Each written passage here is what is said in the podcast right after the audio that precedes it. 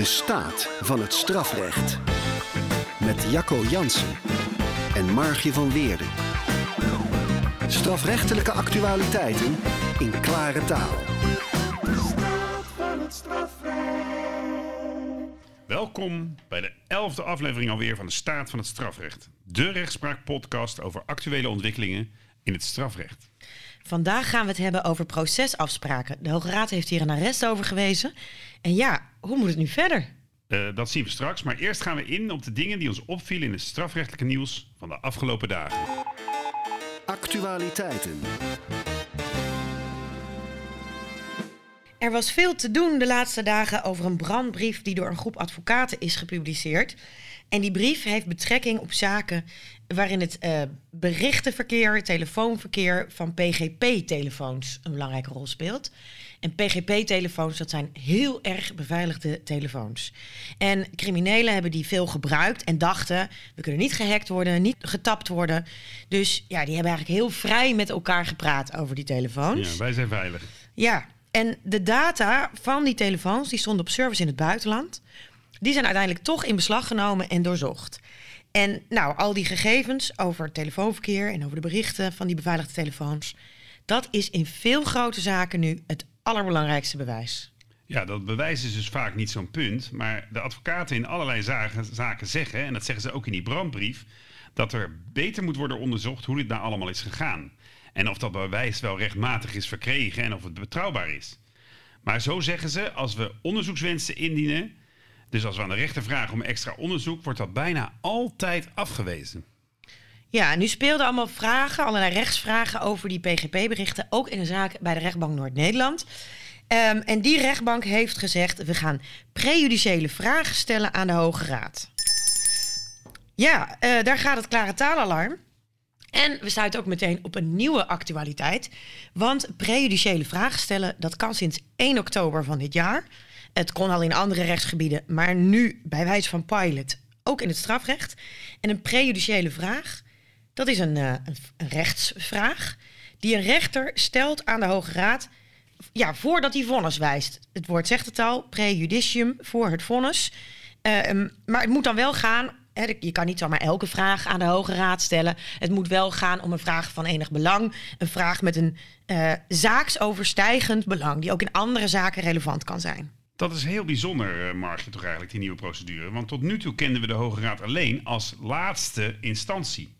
Die helemaal aan het einde nog kan toetsen of er geen juridische fouten zijn gemaakt in een zaak. Maar nu kun je dus ook tijdens het proces, als je, de rechter, als je als rechter nog bezig bent met het onderzoek van de zaak, een rechtsvraag voorleggen aan de Hoge Raad. En je zei het al, bij wijze van pilot, kan dat nu. Het is een experiment op basis van de innovatiewet. Hè, een wet die tegen het nieuwe wetboek van strafvordering uh, aanhangt. En dat is best spannend, want we hebben dat nog nooit eerder gedaan. Nee, en nu worden dus ook veel andere zaken waarin die PGP-berichten een rol spelen, uh, aangehouden, uitgesteld. Uh, in afwachting van een antwoord van de Hoge Raad. Van hoe, hoe zit dat nou juridisch precies met, uh, met die PGP-berichten? Bijvoorbeeld bij de rechtbank Amsterdam, rechtbank Overijssel. Grote zaken aangehouden. Ja. Maar ik ben bang dat het nog wel even gaat duren dan. Ja, ik vrees het ook, want die vragen die zijn nog niet eens uh, geformuleerd. Daar is ook een heel werkproces voor. De rechter moet ook aan de officier van justitie en aan de verdachte de gelegenheid geven om een standpunt in te nemen. eerst over, de, over het voornemen om een vraag te gaan stellen. Wat vinden, vinden ze daar eigenlijk van? Dat we nu eerst op de Hoge Raad gaan wachten. En ook uh, over wat dan de inhoud van die vraag zou moeten zijn. Daar mogen ze ook uh, input over leveren. Nou, Jacco, jij hebt nog even gebeld met de afdeling communicatie van de rechtbank Noord-Nederland. Van wat is de stand van zaken? Hier zijn ze nog mee bezig. En ze denken in december, nog voor de kerst, die vragen te formuleren en te versturen. Ja, en als die vraag dan is ingediend, dan duurt het nog wel even voordat de hele procedure bij de Hoge Raad doorlopen is en je een antwoord hebt op die vragen. je bent minimaal zomaar een half jaar verder. De Hoge Raad noemt zelf een termijn van vijf maanden na indienen van de vragen. En je ziet dus dat ook bij sommige zaken die nu worden aangehouden, eh, de voorlopige hechtenis wordt opgeheven of geschorst omdat de rechtbank zegt, ja, het onderzoek ligt nu zo lang stil, zo lang kun je de verdachte niet in voorarrest houden. En dan is het ook nog mogelijk dat de Hoge Raad straks oordeelt, en ik durf het bijna niet te zeggen, dat deze vraag zich niet leent voor beantwoording via prejudiciële beslissing. Dat staat in artikel 555 uh, tweede lid, zegt de Hoge Raad. Van eh, we kunnen ook eh, afzien van beantwoording de vraag. En dat kan in twee gevallen. Als de vraag van onvoldoende gewicht is, of als de vraag zich niet leent voor beantwoording via zo'n voorloopprocedure. En ik denk dat dat laatste ook nog wel eens best zou kunnen, dat de Hoge Raad dat gaat zeggen. Ja, dat kan in theorie, maar dat zal toch wel niet? Nou, ik sluit het niet uit. Nou, dat zou wat zijn, zeg. Ja, wij pleiten in deze podcast regelmatig tegen het taakstrafverbod. Uh, dat is een bepaling in het wetboek van strafrecht waarin staat uh, dat het de rechter in sommige gevallen verboden is om een taakstraf op te leggen. Uh, dan moet je dus eigenlijk voor een gevangenisstraf kiezen. En dat verbod, daarvan vinden we dat verhindert maatwerk door de rechter. En op dit terrein is er ook een nieuws, ook een actualiteit. Ja, goed nieuws zou ik zeggen. er zou een uitbreiding komen van het taakstrafverbod. Maar de Eerste Kamer heeft daar tegen gestemd. Dus de wet uitbreiding taakstrafverbod is daarmee echt van tafel. En minister Jezelkus is daar nogal teleurgesteld over. Maar dat moet zij niet zijn. Want wij vinden dat dat haar juist een kans biedt. Een kans om met haar collega Weerwind tot een integrale nieuwe visie te komen op straffen. Ja, want Weerwind is daarmee bezig. Hij heeft een brief geschreven naar aanleiding van de motie Sneller. Nou, die motie Sneller, daar hadden we het vorige aflevering al over.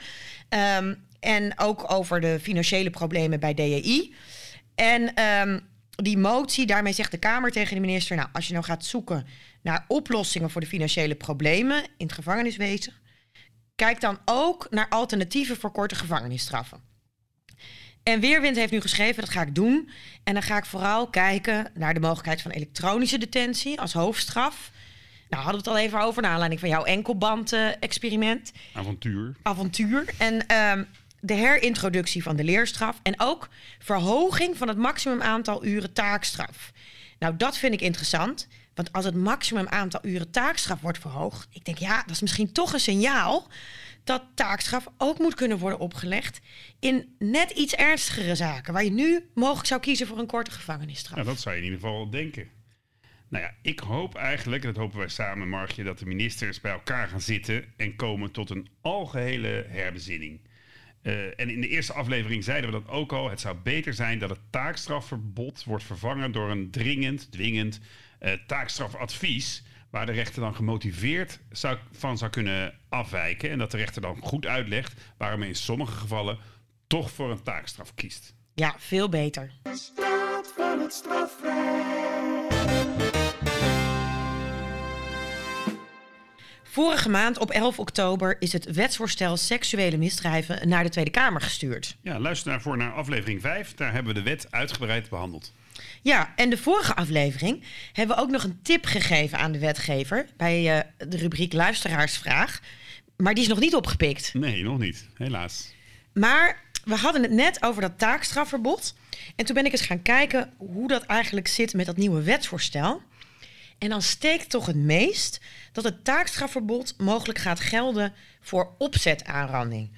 Um, en dat betekent dus dat je voor dat nieuwe feit dan geen taakstraf op kan leggen, maar in principe als rechter moet kiezen voor een gevangenisstraf.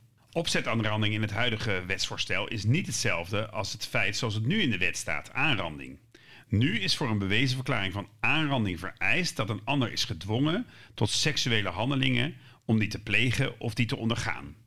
Gedwongen door geweld of dreiging met geweld of op een andere manier. Maar voor het nieuwe feit in de nieuwe wet is het niet nodig dat van zo'n uh, dwangmiddel blijkt. Dan is het genoeg dat er ander de seksuele handelingen niet wilde en dat je dat ook wist. Of dat je die kans bewust op de kook toe hebt uh, genomen dat die ander niet wilde. En bij seksuele handelingen gaat het dan niet om binnendringen, dan is het geen aanranding meer, maar verkrachting, maar om andere seksuele handelingen die de ander niet wilde. Ja, en dat kan dus van alles zijn, die seksuele handelingen. Het kan gaan om um, aanraken van geslachtsdelen, tik op de bil. Um, nou, er kunnen allerlei soorten zaken onder vallen. Ook dus wat minder ernstige. En dan is de vraag, valt dit nou onder het taakstrafverbod? De maximumstraf op opzetaanranding um, is zes jaar, zo wordt nu voorgesteld. En artikel 22b van het wetboek van strafrecht, dat is die bepaling van het taakstrafverbod. Daarin staat dat je geen taakstraf op mag leggen als uh, de maximumstraf op het feit zes jaar of meer is, als dat feit een ernstige inbreuk op de lichamelijke integriteit van het slachtoffer ten gevolge heeft gehad. Poeh, nou, is een opzetaanranding een ernstige inbreuk op de lichamelijke integriteit?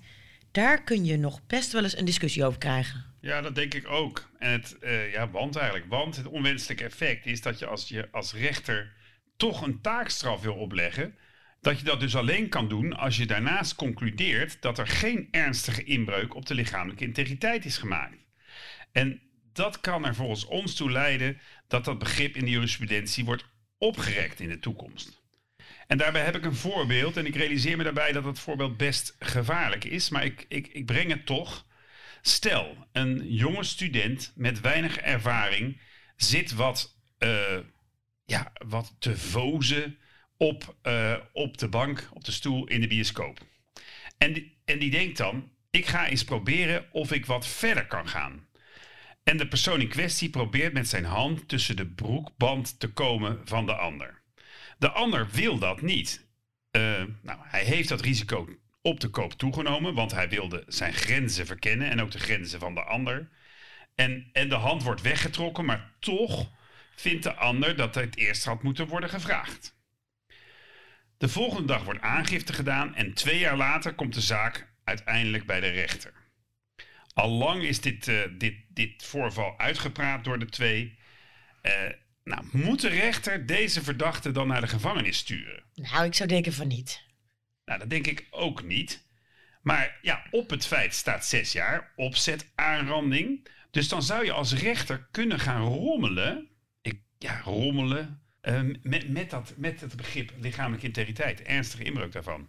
En dat is onzuiver. Een onzuivere escape ook naar het slachtoffer toe. En het leidt uiteindelijk tot inflatie van dat begrip ernstige inbreuk op de integriteit, lichamelijke integriteit. Ja, dat is onwenselijk, dat je dus daar eigenlijk mee moet gaan. Ja, rommelen zou ik bijna willen zeggen, marchanderen. En dat kan je nou allemaal voorkomen. Um, door bijvoorbeeld die maximumstraf op dat, op dat feit opzet aanranding op vijf jaar te stellen in plaats van op zes jaar. Ik vind zes jaar eigenlijk sowieso vrij hoog voor, voor deze variant. Het is een variant die nu niet strafbaar is. Nog niet. Ik zie de logica van de wetgever wel, want die zegt twee jaar voor schuldaanranding, zes jaar voor opzetaanranding en dan acht jaar voor gekwalificeerde opzetaanranding. Nou, dan heb je steeds logische stapjes, mooie even aantallen. En dan voelt vijf jaar een beetje gek. Maar dat kan natuurlijk best. Ja, het kan zeker, want we hebben de wet erop nageslagen. En voor best een groot aantal delicten, of, of in ieder geval een aantal, uh, komt vijf jaar als maximumstraf uh, voor. Uh, opruiing is daarvan een voorbeeld. En dan kan de rechter, als we voor die vijf jaar, of als we, als de wetgever voor die vijf jaar zou kiezen, dan kan de rechter maatwerk leveren. Veel beter. Het gesprek van vandaag.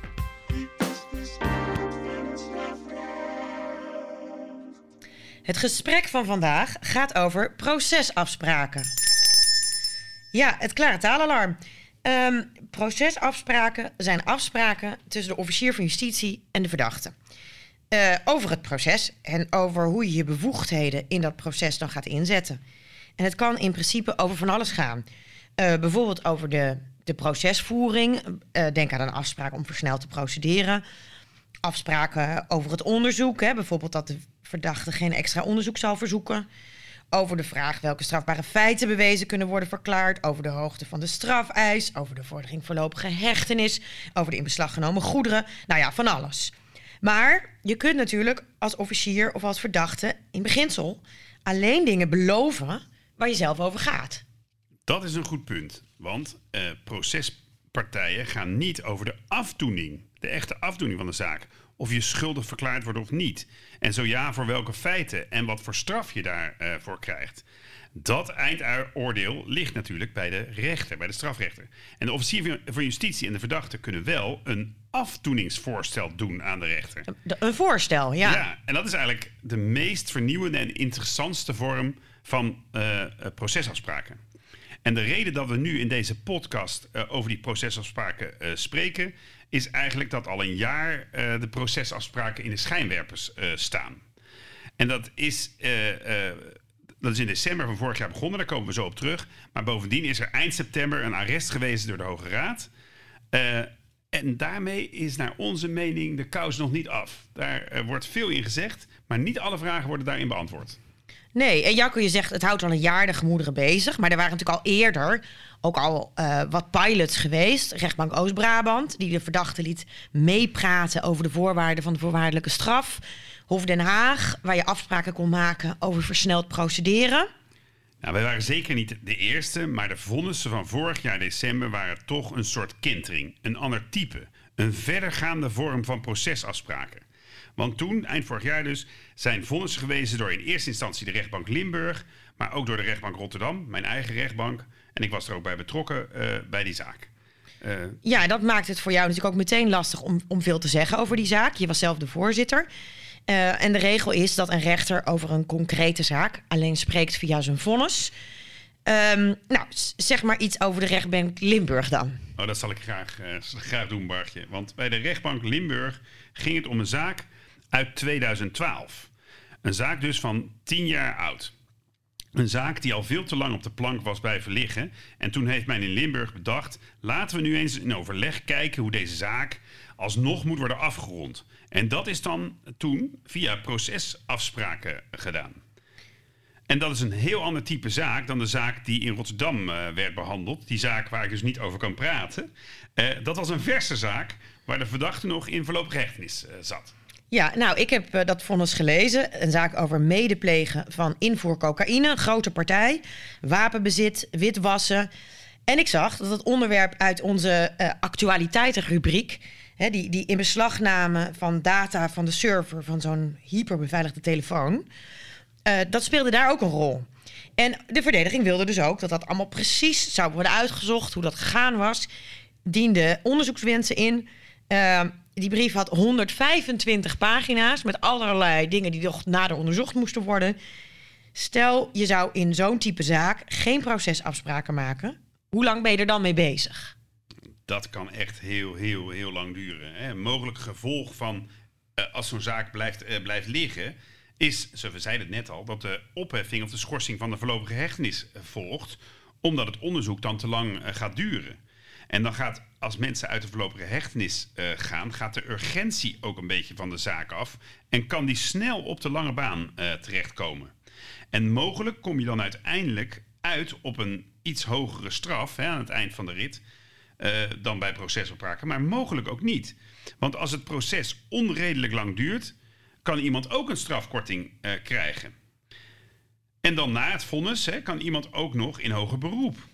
En hoger beroep uh, weten we, dat duurt ook best wel weer een, uh, een hele tijd voordat zo'n zaak bij, bij zo'n hof weer op de rol uh, staat. En zeker gebeurt dat als de verdachte niet meer vastzit. Dan heeft het hof ja, eigenlijk ook geen topprioriteit meer bij die zaak. Kortom, een zaak van het kaliber wat daar aan de orde was in december vorig jaar, had gemakkelijk drie tot vier jaar kunnen duren. Ja, voor je een definitief oordeel hebt over zo'n zaak. Ja. Nou, dan kunnen dus die procesafspraken behoorlijk wat tijd besparen.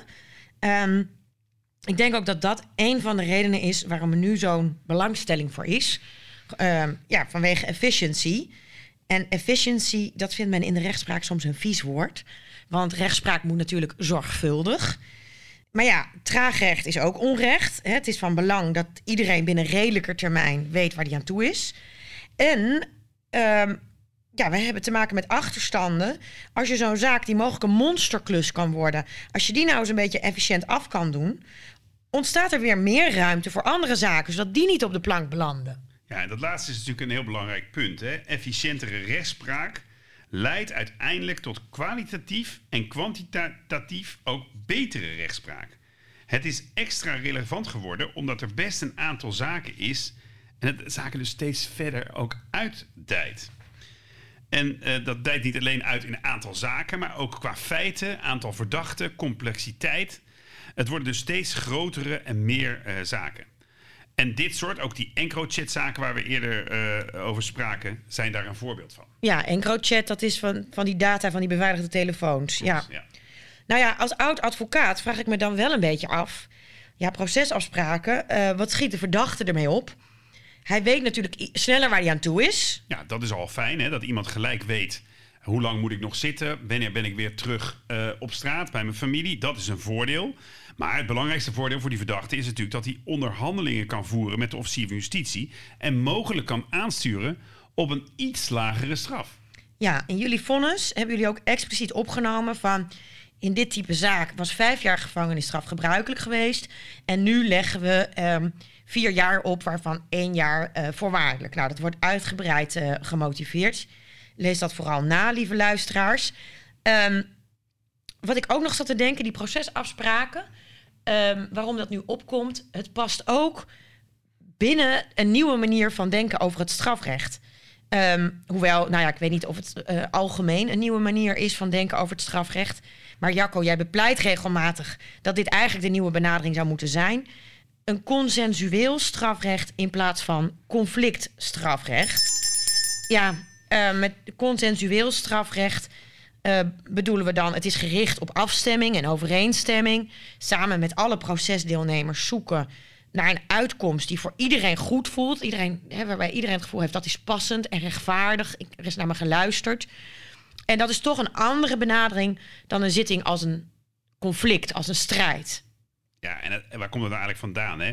Nou ja, soms, of misschien wel vaak, heb je zaken, daar wordt gewoon over alles gesteggeld.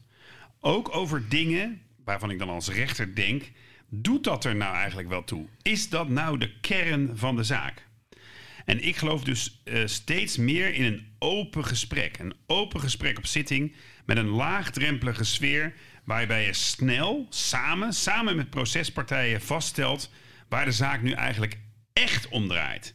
En dat je dat als rechter ook durft te benoemen. Ja, nou, ik zei al, procesafspraken passen hè, binnen deze manier van denken over een zaak.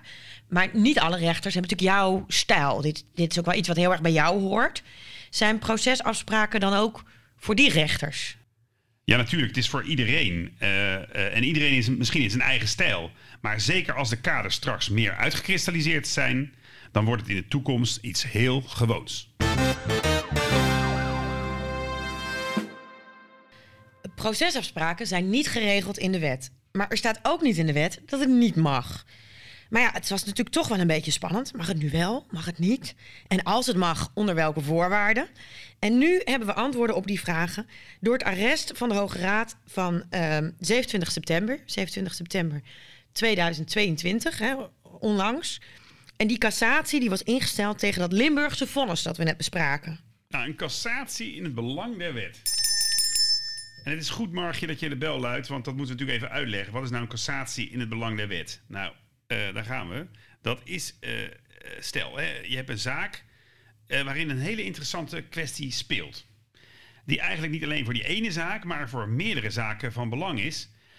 Maar de partijen gaan niet in hoger beroep of komen niet tot cassatie, procederen niet verder.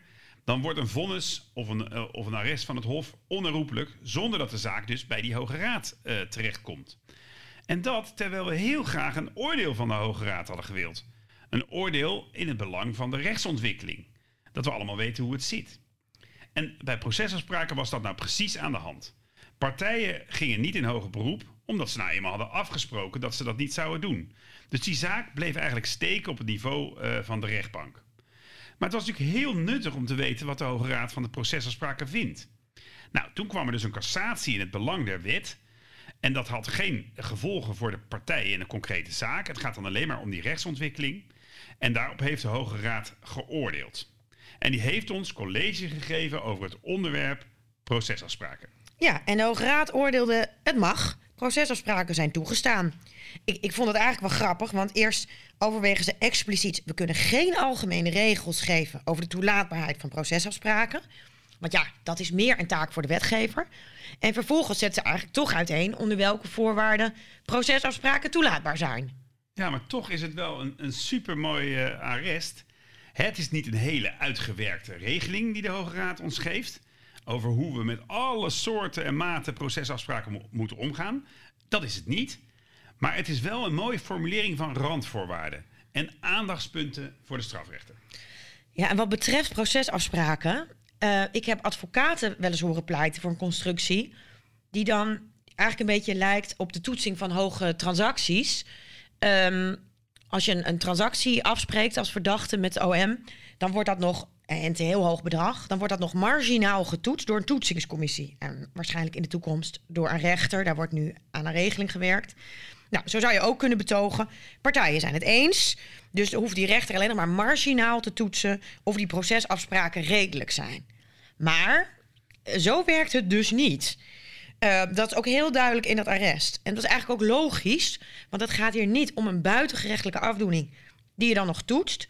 Het gaat om een gerechtelijke afdoening. Ja, zeker een gerechtelijke afdoening. En het gaat ook vaak om zaken die zich helemaal niet lenen voor een buitengerechtelijke afdoening, omdat het gaat om feiten waarbij een gevangenisstraf voor de hand ligt.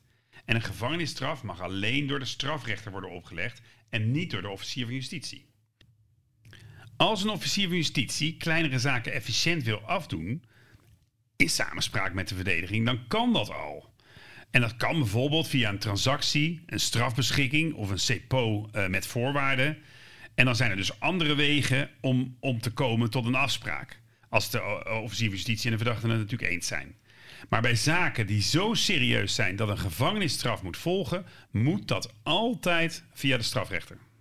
En die rechter die heeft een eigen verantwoordelijkheid. En dat blijkt ook expliciet uit dat arrest van de Hoge Raad. De rechter bewaakt de eerlijkheid van het proces. En loopt ook bij procesafspraken gewoon de vragen van 348 en 350 langs. Ja, de vragen van 348 en 350. Ik bedoel de artikelen uit het wetboek van strafvordering. En daarin staan eigenlijk alle vragen die een rechter stap voor stap moet beantwoorden in een strafzaak. Of aan alle formaliteiten is voldaan. Of de verdachte schuldig is. Aan welk feit dan? Of verdachte um, en het feit ook echt strafbaar zijn. Welke straf die dan eventueel moet krijgen. Nou, al die vragen loopt de rechter gewoon langs. Ook in een zaak waar een procesafspraak is gemaakt. Ja, Margje, en dit is echt een superbelangrijk punt. Het is voor partijen echt van belang om dat voor ogen te houden. Dat die vragen door de strafrechter moeten worden afgelopen. Je kunt van alles afspreken, maar de strafrechter moet er ook mee uit de voeten kunnen. De staat van het strafrecht. Dat brengt ons bij de vraag: hoe ziet de procesafspraak van de toekomst eruit? De procesafspraken voor de toekomst. Ja, dat is een goede vraag, uh, Margje. Ja, als ik denk aan een procesafspraak in de toekomst, dan zie ik een afspraak die echt zal leiden tot een efficiëntieslag. Een afspraak waar iedereen wat aan heeft en die ook kans van slagen heeft. Eigenlijk een procesafspraak die simpel, helder of to the point uh, uh, is. En dan denk ik aan een afdoeningsvoorstel, dus een soort procesafspraak met vier elementen. 1. Een afspraak hoe het onderzoek moet worden ingericht. Eigenlijk over de onderzoekswensen. 2. Dat er een afspraak wordt gemaakt over de vraag welke feiten bewezen kunnen worden verklaard en welke misschien wel niet. En welke straf daar dan op moet volgen. Dat, dat is eigenlijk drie. ja. En vier is dat als de zaak wordt afgedaan en iedereen is het eens over die procesafspraken, de partijen dan ook geen hoger beroep instellen. Nou, laten we eens even bij dat eerste element van die afspraak beginnen. De afspraak over het onderzoek en de onderzoekswensen. Um, ja, vaak houdt natuurlijk een procesafspraak in dat de verdachte afstand doet van het recht om onderzoekswensen in te dienen. Nou, wat bedoel ik daarmee? Onderzoekswensen indienen. Um, ja, een, een verdachte, de verdediging die kan aan de officier van justitie of aan de rechter vragen om nog onderzoek te doen. Om nog getuigen te horen, sporen te onderzoeken, een deskundige rapport op te laten maken, dat soort dingen. Als de verdachte nu zegt: Ik beloof dat ik geen nader onderzoek zal vragen naar deze zaak, dan doet hij dus afstand van dat recht om onderzoek te vragen. Als de rechter natuurlijk vindt dat er toch onderzoek moet plaatsvinden, omdat dat ook zakelijk is voor de, voor de afdoening van de zaak, dan kan hij dat natuurlijk altijd toch nog doen. Maar in deze situatie waar partijen dat afstand, afstand doen van, van onderzoek, zal dat misschien niet zo heel vaak gebeuren. Nee, en dan nog de afspraak over de feiten op de telastenlegging, die bewezen kunnen worden verklaard, welke wel, welke niet. soms zijn er meerdere feiten te lasten gelegd. En dan zou je bijvoorbeeld kunnen afspreken. Nou, feit 1 uh, eh, wel bewezen. Daar komt dan wel een veroordeling voor en feit 2 niet. Uh, nou ja, ik zeg het nu wel zo, alsof je daarover uh, gewoon een soort kunt dealen. Maar het is natuurlijk geen handjeklap. Het moet wel echt kloppen met het dossier. Ja, dat is het belangrijkste punt van, van, van deze podcast misschien wel. en we blijven het herhalen. Het is uiteindelijk aan de strafrechter om dat oordeel te geven. Dus als partijen nou nadenken over een bewezenverklaring, dan moet dat een zogenaamde reële bewezenverklaring zijn die je afspreekt. Want de rechter gaat niet blind af op de afspraak van partijen, maar hij moet zelf nagaan of er voldoende bewijs in het dossier zit voor de betreffende feiten en of hij ook van die bewezenverklaring overtuigd is. En partijen doen er dus verstandig aan om naar de telastenlegging te kijken, als ze dan uh, kijken naar wat bewezen is, en naar het dossier, om dan te kijken met een rechterlijke bril. Ja, en dan is nog de vraag: hoe breng je die afspraken nu in de praktijk eh, als officier van justitie? Hè? Dus die afspraak, feit 1 wel bewezen, feit 2 niet. De dagvaarding is al uitgebracht. Um, ja, nou, de Hoge Raad gaat in het arrest nog even in op de mogelijkheid om die telastenlegging in die dagvaarding dan nog te wijzigen. Dat is best wel lastig. Je kunt een vordering, wijziging, telastenlegging doen. Die wordt dan gewoon volgens de wettelijke eisen beoordeeld. Uh, voor de juristen onder ons artikel 313 strafvordering. Maar daar zitten natuurlijk grenzen aan. Je kunt zo'n telastenlegging niet meer heel wezenlijk veranderen. Het ligt meer voor de hand om dan gewoon tot vrijspraak te requireren voor dat tweede feit. Dat kan wel. Ja, dat kan wel. En als partijen het erover eens zijn dat 1 en 2 niet bewezen kan, uh, dat 1 wel bewezen kan worden verklaard en 2 niet bewezen kan worden verklaard, dan is, de, is de rechter best genegen om dat dan te volgen. Zeker als dat een reëel uh, oordeel is. Maar let weer op, we kunnen het niet vaak genoeg zeggen, de strafrechter heeft daar een eigen taak. Dus hij kan iets anders bewezen verklaren dan is afgesproken.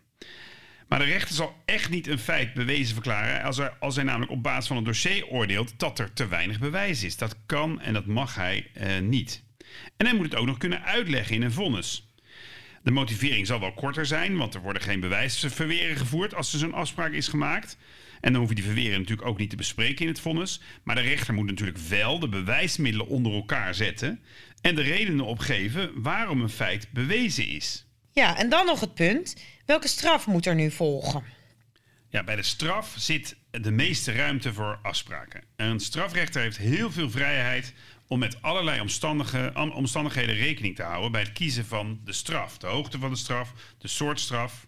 En daarbij kan hij ook rekening houden met de afspraken. En ook met het feit dat de verdachte heeft ingestemd met een procedure die tijdswinst oplevert. Ja, en soms moet de rechter ook een oordeel vellen over de vordering benaderde partij. Uh, in gewone mensentaal de schadeclaim van het slachtoffer. En het ligt natuurlijk voor de hand om in zulke gevallen als verdediging ook een afspraak te maken met het slachtoffer over die schade, hoe dat moet worden afgewikkeld. Nou zeker, die, die, die slachtoffers kunnen natuurlijk ook bij procesafspraken worden betrokken. Maar, maar nu die procesafspraken zo, zo nieuw zijn, zoals ze nu, nu zijn, ligt het eh, ja, wat ons betreft niet meteen voor de hand dat we met veel zaken en veel slachtoffers, uh, zaken met veel slachtoffers, dat we daar nou in uh, procesafspraken gaan maken. Want zo'n vordering compliceert het geheel natuurlijk ook weer wel. Maar het kan wel, het is zeker niet uitgesloten. Ja, en nu nog even over die straf. Want het zou natuurlijk ook kunnen zijn dat je echt twijfelt of een feit nou wel of niet bewezen kan worden. Dat je er op dat punt niet helemaal uitkomt. Uh, ja, als je niet helemaal uit die afspraken komt, hè. Nou, volgens mij, en ja, dat, dat denk ik dat het echt kan, dat je ook afspraken zou kunnen maken die een soort twee smaken voorleggen aan de rechter. En dat je tegen de rechter zegt: we hebben een afspraak gemaakt voor het geval feit 1 bewezen is en feit 2 niet. En dan komen we op een straf van drie jaar. Maar als beide, bewijzen, eh, als beide feiten bewezen zijn, dan zou ik komen tot een straf van vijf jaar. En dat allebei dus tegelijkertijd aan die rechter voorleggen. Ja, en, dan nog het, het vierde element. Ehm, afstand doen van hoger beroep. Uh, want het idee is natuurlijk, als er een vonnis volgt conform de procesafspraken, dat het dan ook klaar is. Uh, ik wil het even hebben over dat fenomeen afstand. En, en ook over de vraag of je wel afstand kunt doen van hoger beroep. We hadden het net al even over afstand van onderzoekswensen. Uh, de Hoge Raad gaat daar uitgebreid op in, in dat arrest van 27 september. En daar benoemen ze nog eens welke eisen gelden voor een geldige afstand van rechten volgens het Europees Verdrag voor de Rechten van de Mens. En die eisen, die passen ze eigenlijk toe op de hele procesafspraak, op alle onderdelen daarvan. En ze zeggen eigenlijk als rechter moet je dus bij al die onderdelen toetsen of de verdachte wel weet wat hij doet. Ja, en wat moet je dan toetsen? Nou, je moet dus rechter toetsen en daar ook rekenschap uh, over afleggen in je, in je vonnis. Of die verdachte vrijwillig is gekomen uh, tot die afspraken. Dat hij dus eigenlijk wel wil dat die afspraken worden gemaakt. En, en het mooie is dat je, of het mooie, het ingewikkelde daarbij is eigenlijk, dat je ook moet toetsen. eh, of eh, dat je bijna tussen die advocaat en die verdachte in moet komen. Of dat wel helemaal goed is gegaan. Heel ongebruikelijk, maar zelfs die toets moet de rechter afleggen in het kader van de vrijwilligheid. Oh, of die wel goed is voorgelicht door die advocaat. Ja, ja, ja, zeker. Het tweede wat je moet toetsen is of die afspraak, of die verdachte wel wist toen hij die afspraak maakte, dat hij wel alles wist. Dat hij voldoende informatie had om de juiste keuze te kunnen maken.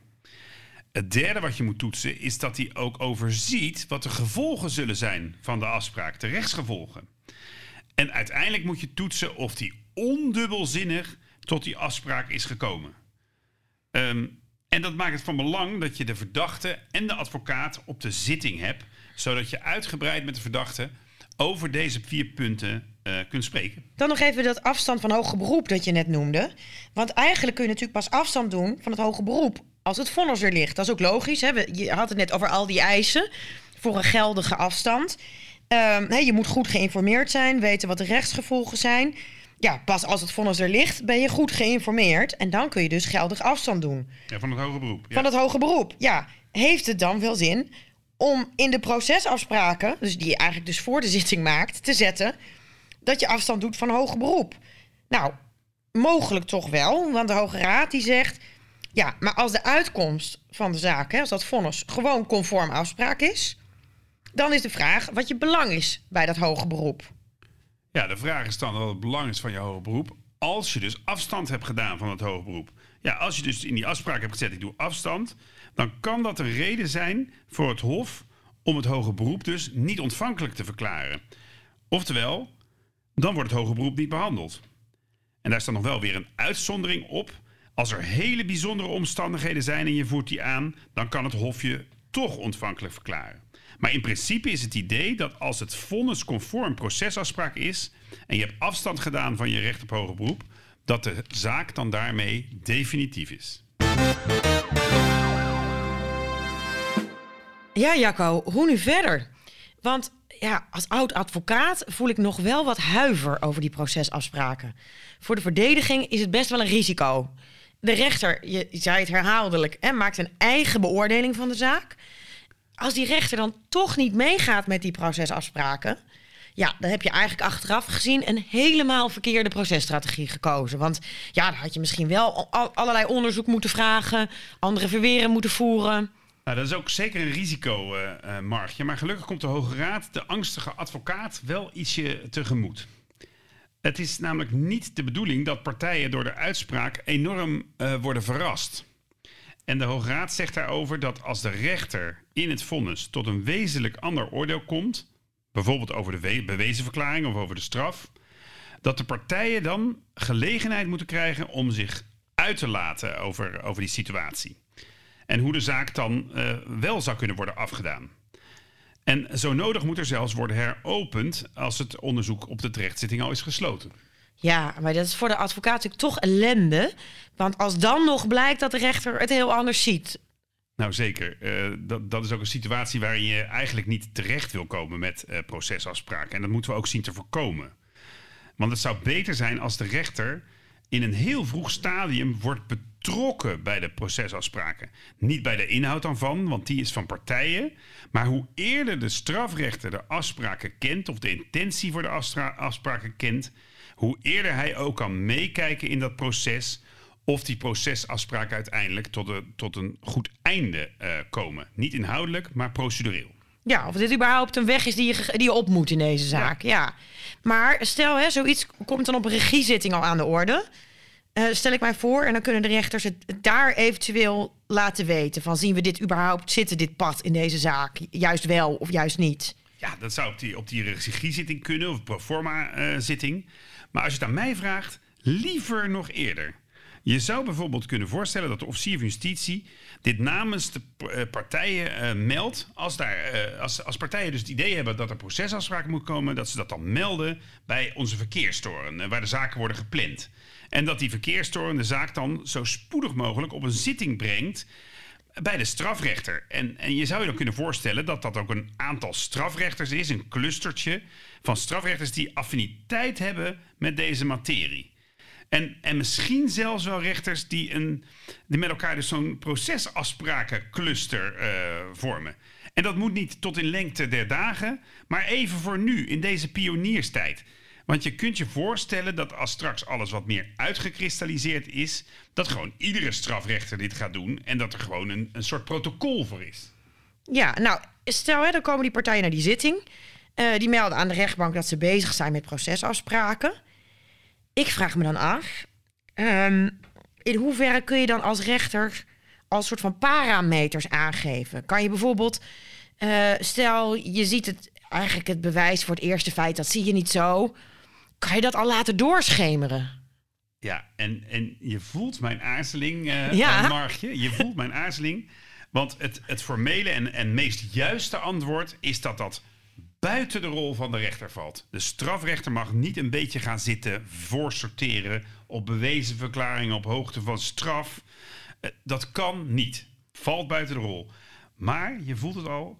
Ik sluit niet uit dat het in de praktijk de rechter toch partijen wel mee, iets mee zal willen geven op zo'n zitting. En mee zal willen geven bijvoorbeeld dat er kritisch moet worden gekeken naar het bewijs. En mogelijk nog eens zal benadrukken dat met een rechterlijke blik naar de telastlegging moet worden gekeken. En dat dat moet worden gedaan in het, in het licht van het strafdossier. En ja, wat we net al. Uh, wat we net zeiden eigenlijk, ja. En dat, dat lijkt een open deur, maar we hebben gezien het dat het soms mis kan gaan. Ja, flink mis. Flink mis, want in de rechtbank Haarlem uh, is een voorbeeld, en lees het na, het, uh, het staat op rechtsbank.nl, een voorbeeld van procesafspraken waar het op dit punt dus niet goed ging. En de rechter komt uiteindelijk tot het oordeel dat er in, door partijen veel te globaal naar het bewijs en naar de rest van het dossier is gekeken. En hij haalt dan een streep door de procesafspraken. Ja, nou is het uitgangspunt dat partijen het initiatief nemen. En um, in het vonnis van rechtbank Rotterdam, in jouw vonnis Jacco, had jij eigenlijk partijen wel enigszins al op die weg gezet, op het idee gebracht. Uh, dat vindt de Hoge Raad gelukkig goed. Uh, ik, uh, de Hoge Raad overweegt dat de rechter vrij staat om dit partijen in overweging te geven. Bijvoorbeeld met het oog op een voortvarende afdoening van de strafzaak. Ja, dat, dat zeggen ze heel mooi. En uh, ja, ook daarbij geldt dat je het liefst in een zo vroeg mogelijk stadium dat wil doen. Dat initiatief nemen als, als rechter. En nu was het natuurlijk allemaal nog behoorlijk nieuw hè, toen dat het voor het eerst gebeurde. Maar ik verwacht dat het als straks meer is ingeburgerd. En, en, en een beetje duidelijk is hoe dat dan werkt. Uh, dat partijen vaker het initiatief zullen nemen. Tot, dat, hè, dat partijen vaker het initiatief zullen nemen en dus niet de rechter. En dat hangt samen met hoe groter het vertrouwen is dat de rechter de procesafspraken wel zal volgen, hoe beter het is uitgekristalliseerd, hoe meer we een open en transparante houding naar die procesafspraken hebben. En hoe groter de kans ook is dat de partijen bereid zijn dat, dat, dat ze dat risico nemen wat jij schetst en ook echt tot die afspraken komen. Wij als rechtspraak moeten die afspraken dus, of eh, die, die procedure dus goed inrichten. En als we dat goed doen, dan zullen partijen dat ook sneller oppikken. Ja, je zegt als wij het als rechtspraak goed inrichten. Uh, maar de Hoge Raad geeft natuurlijk eigenlijk ook aan. Dit hoort eigenlijk, om dit nou eens goed te regelen, is eigenlijk een taak van de wetgever. En uh, minister Jesselgus die heeft al aangekondigd een regeling te willen maken. Uh, maar die wordt dan opgenomen, die wordt straks onderdeel van dat nieuwe wetboek van strafvordering. Nou, dat gaat naar verwachting in werking treden in 2026. Um, ja, die, die wet, dat wetsvoorstel moet dan nu worden gemaakt. Er wordt wel geopperd. Misschien kan ze bij het opstellen van die wettelijke regeling kijken naar andere Europese landen. Want er zijn best wel wat Europese landen die al een, um, ja, een vorm van procesafspraken hebben. Nee, heel veel. Ja, maar als ik naar die andere modellen kijk van andere landen, dan zie ik eigenlijk niet iets waarvan ik denk, nou, dat kunnen we zo copy-pasten. Dat past hier wel. Nee, dat zou de verkeerde, verkeerde weg zijn. Want ik denk dat we iets moeten ontwikkelen in Nederland. Uh, een manier van procesafspraken die past in ons systeem. En daarbij past de autonomie van de rechter. En, en die zou dan in stand moeten worden gelaten. Dat, dat de rechter uiteindelijk die beslissing ja, vol, uh, vol toest. Die gaat namelijk uiteindelijk altijd over een bewezen verklaring en over de strafmaat.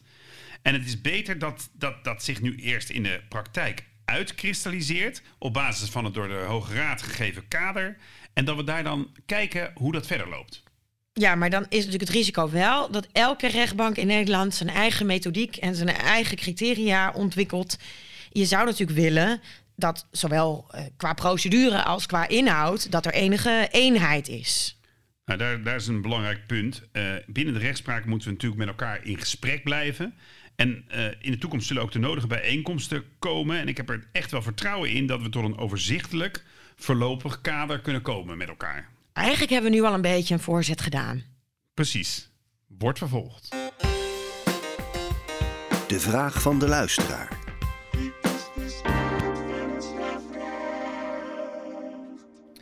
Jacco, we hebben een vraag van een luisteraar over jouw zitting en jouw uh, vonnis. Of eigenlijk jou, hè, van jou en twee collega's. Jullie zaten in een MK, een meervoudige kamer, uh, op zitting afgelopen maandag 7 november. En dat is gepresenteerd als een nieuw type zitting. Een nieuw type vonnis ook. Een STMK-zitting en vonnis. En STMK staat voor snelle, toekomstgerichte, meervoudige kamer. Met extra aandacht voor de doelen van de straf.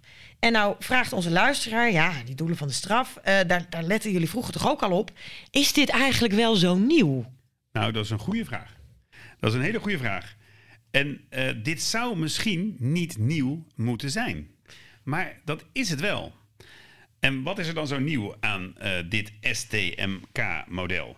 Nou, het eerste is dat de MK uh, snel is. De zaak stond in dit geval binnen 57 dagen uh, op zitting na de aanhouding van de vier verdachten.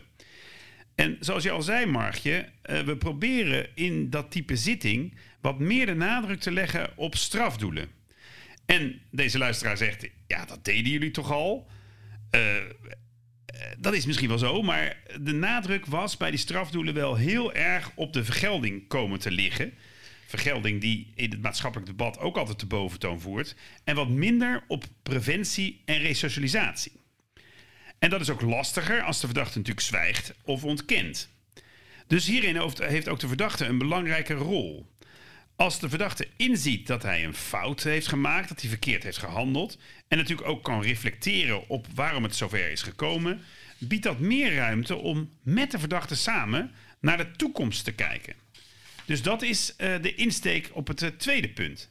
En het derde punt is, uh, en dat is ook nieuw bij de STMK, dat de zaak als meervoudige kamer wordt behandeld, maar dat we eigenlijk de zitting doen alsof het een politierechter is. Een politierechter, informeel, to the point en met dezelfde dag ook nog de uitspraak, mondeling. Ja, dus een sne snelle rechtspraak met een echt gesprek met de verdachte, oog voor alle strafdoelen. Ja, dat is eigenlijk hoe het strafproces ooit bedoeld was.